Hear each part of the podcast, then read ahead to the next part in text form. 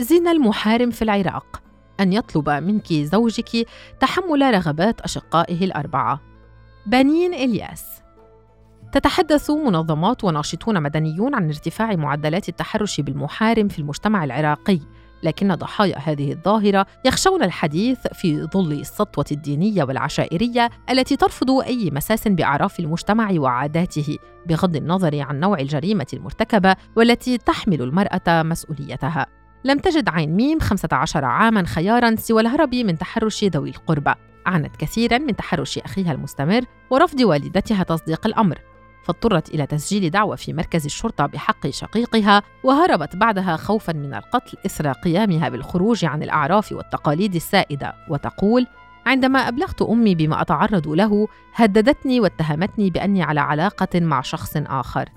لم أجد خيارا سوى الشكوى إلى الشرطة لكنهم لم يعيروا الأمر أهمية. وهنا كان لابد من الهرب لأن العودة تعني القتل. فأنا في نظر عشيرتي خارجة عن الأعراف.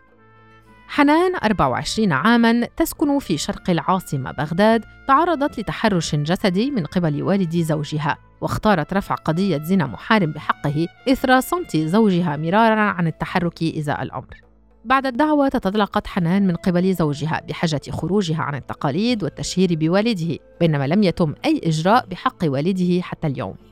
تروي ما حصل معها وتقول تزوجت أنا أبلغ من العمر 16 عاماً ومرارا كنت أتعرض لمضايقات جسدية من قبل عمي والد زوجي وقد أخبرت زوجي مرات عديدة ووعدني بأنه سيتصرف لكن شيئا لم يحصل. كان عمي ينتظر خروج زوجي من المنزل حتى يتحين الفرصة ويبدأ بمضايقتي ومحاولة الوصول إلى مبتغاه بطرق عدة. لم تكن حنان هي الوحيدة التي رفعت قضية بحق متحرشين من المحارم في بغداد. تقول شيماء اسم المستعار أنها وفي اليوم التالي لزواجها تعرضت لمحاولة اعتداء جسدي من قبل شقيق زوجها. ولولا مقاومتي وصراخي لما تخلصت من أنياب هذا الوحش والأدهى كان رد فعل زوجي الذي طلب مني بكل بساطة تقبل الأمر إلى حين زواج أخيه. تضيف صدمتي بما تعرضت له كانت لا شيء أمام رد فعل زوجي الذي أبلغني بضرورة التماشي مع رغبات إخوته الأربعة إلى حين قدوم زوجة أخرى لإعانتها في الموضوع. هذه الحوادث التي كثرت مؤخرا وأثارت سخطا شعبيا في العراق دفعت بالكثير من الناشطات للدعوة إلى تفعيل قانون العنف الأسري وتشكيل لجان سرية خاصة في مؤسسات الدولة وفي المدارس وفي الجامعات للتحقيق في هذه الحالات وتحويلها إلى مراكز متخصصة لمتابعة ما يحدث خلف جدران المنازل من دون الكشف عنه تحت غطاء العار والتقاليد. على الرغم من اعتراف المحاكم العراقية والشرطة المجتمعية بوجود هذه الحالات، إلا أن هناك معوقات تواجهها النساء تتمثل في كيفية إثبات التحرش وإقناع المجتمع والقانون بأنهن ضحايا رغبات أقرب الناس إليهن.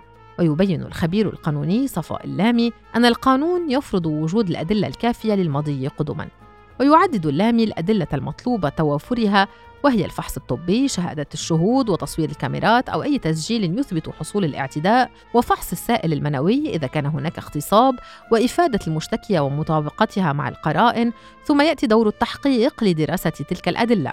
مشيرا إلى أن وجوب توافر تلك الأدلة تجهله الفتيات المتعرضات للتحرش كما أن توافر الأدلة لإثبات التحرش يعد من أهم المشكلات والمعوقات التي تحول دون التقدم بالشكوى فضلا عن الخوف من القتل في حال عدم تصديقها بحجة جلبها العار لذويها.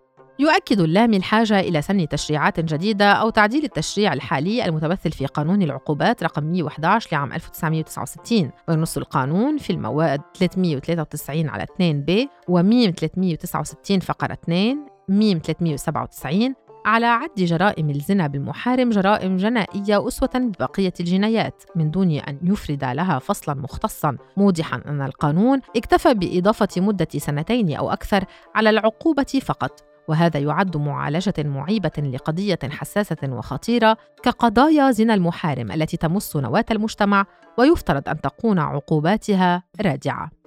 وتلعب مواقع التواصل دورا في التشجيع على ارتكاب جرائم زنا المحارم كما يشير مختصون وينوه العميد غالب العطية مدير الشرطة المجتمعية إلى قيامهم بغلق العديد من الصفحات التي تشجع الشباب على ارتكاب تلك الجرائم وتحفز غرائزهم للقيام بها. موضحا أن زنا المحارم موضوع له خصوصية في المجتمع العراقي كونه مجتمعا إسلاميا وأغلب الجهات ترفض الاعتراف به.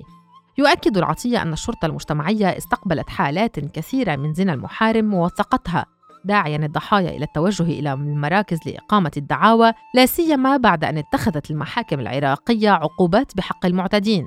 إلا أنه لا ينفي تعرض الضحايا للتصفية الجسدية بسبب الاعتقادات السائدة بأنها تسيء إلى سمعة العائلة مشيرا إلى قيام دائرته بإجراء زيارات ميدانية لتقديم الدعم النفسي للضحايا والحرص على عدم تعرضهن للعنف بعد الإبلاغ عما تتعرضن له.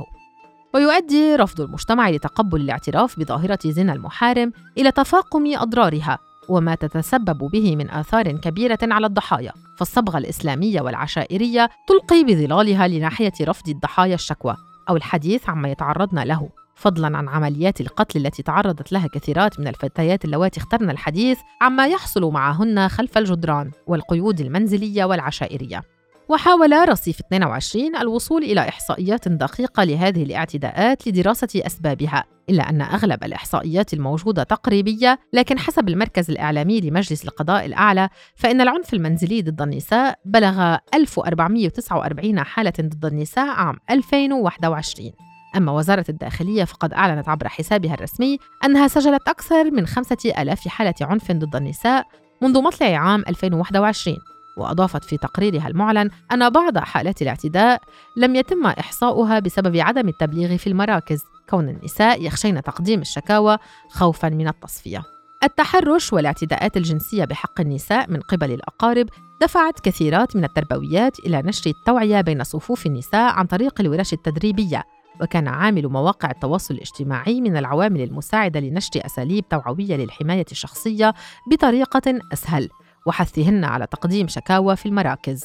توضح التربوية الدكتورة إخلاص جاسم جبرين وهي إحدى ناشطات التوعية في هذا المجال أن مثل هذه الاعتداءات تؤثر على الوضع النفسي للنساء. إذ يتأثر المعتدى عليه جنسيا بآثار خطيرة تحدث تغيرات نفسية وفيزيولوجية مثل الشعور بالعار والخجل والخوف والتوتر وترتبط بآثار جسمانية مثل سوء الهضم والصداع والقيء وزيادة التعرق وتنشأ معتقدات خطأ كالخوف من ممارسة الجنس مستقبلا وشعور الشخص بالمراقبة من قبل الآخرين. وكل ذلك يؤدي إلى سيطرة أفكار انتحارية على غالبية من الضحايا. وتتحدث جبرين عن أهمية أن تحصل ضحايا العنف الجنسي على جلسات نفسية خاصة ومراقبة من قبل أطباء متخصصين مشيرة إلى أهمية معالجة هذه المواضيع مجتمعيا عن طريق فرض القانون وإقرار قوانين رادعة للتخلص من هذه الظواهر التي تفتك بالمجتمع. حسب إيناس هادي سعدون وهي متخصصة في علم النفس فإن الأسباب التي تؤدي إلى عدم إفصاح النساء عما يتعرضن له من تحرش من ذوي القربى الخوف وهو المسبب الرئيسي لمنع المرأة من التحدث وفتح المتحرش. خاصة أن القانون العشائري يتزامن مع سلطة القانون في مجتمعنا العراقي ويأخذ صدارة وحيزا أكبر في التنفيذ فضلا عن وصمة العار التي تتعرض لها المرأة والنظرة الدونية إليها من المجتمع. وتضيف أيضا هناك جهل المرأة بحقوقها الشرعية وقلة وعيها تجعلها خانعة خاضعة للسطوة العشائرية وعدم استقلالها ماديا وفكريا إذ إن كثيرات من النساء يعشن في منأى عن المجتمع الخارجي فليس لديهن أي تواصل مع جهة قانونية أو منظمة حكومية أو أي وسيلة تواصل أخرى تشجعهن وتوعيهن على تقديم الدعاوى أو الشكاوى وحماية أنفسهن من ضرر الأهل والمتحرش. روايات كثيرة لنساء وقعن ضحية تحرش أو اغتصاب من ذوي القربى لا يجدن من يحميهن يبحثن عن القانون وأمانه فيصطدمن بتغلل التقاليد والفكر العشائري فيخترن السكوت فيما المتحرش يفاخر أو في الحد الأدنى لا يكترث لما يقوم به لأنه محمي ولأن النساء يتكتمن وهذا ما بدأ يتغير في العراق اليوم إذ هناك من يتحدث ويعلي الصوت عله يصل فيما تبقى الدولة أسيرة العشيرة والمرأة ضحية إلى أجل غير مسمى على ما يبدو.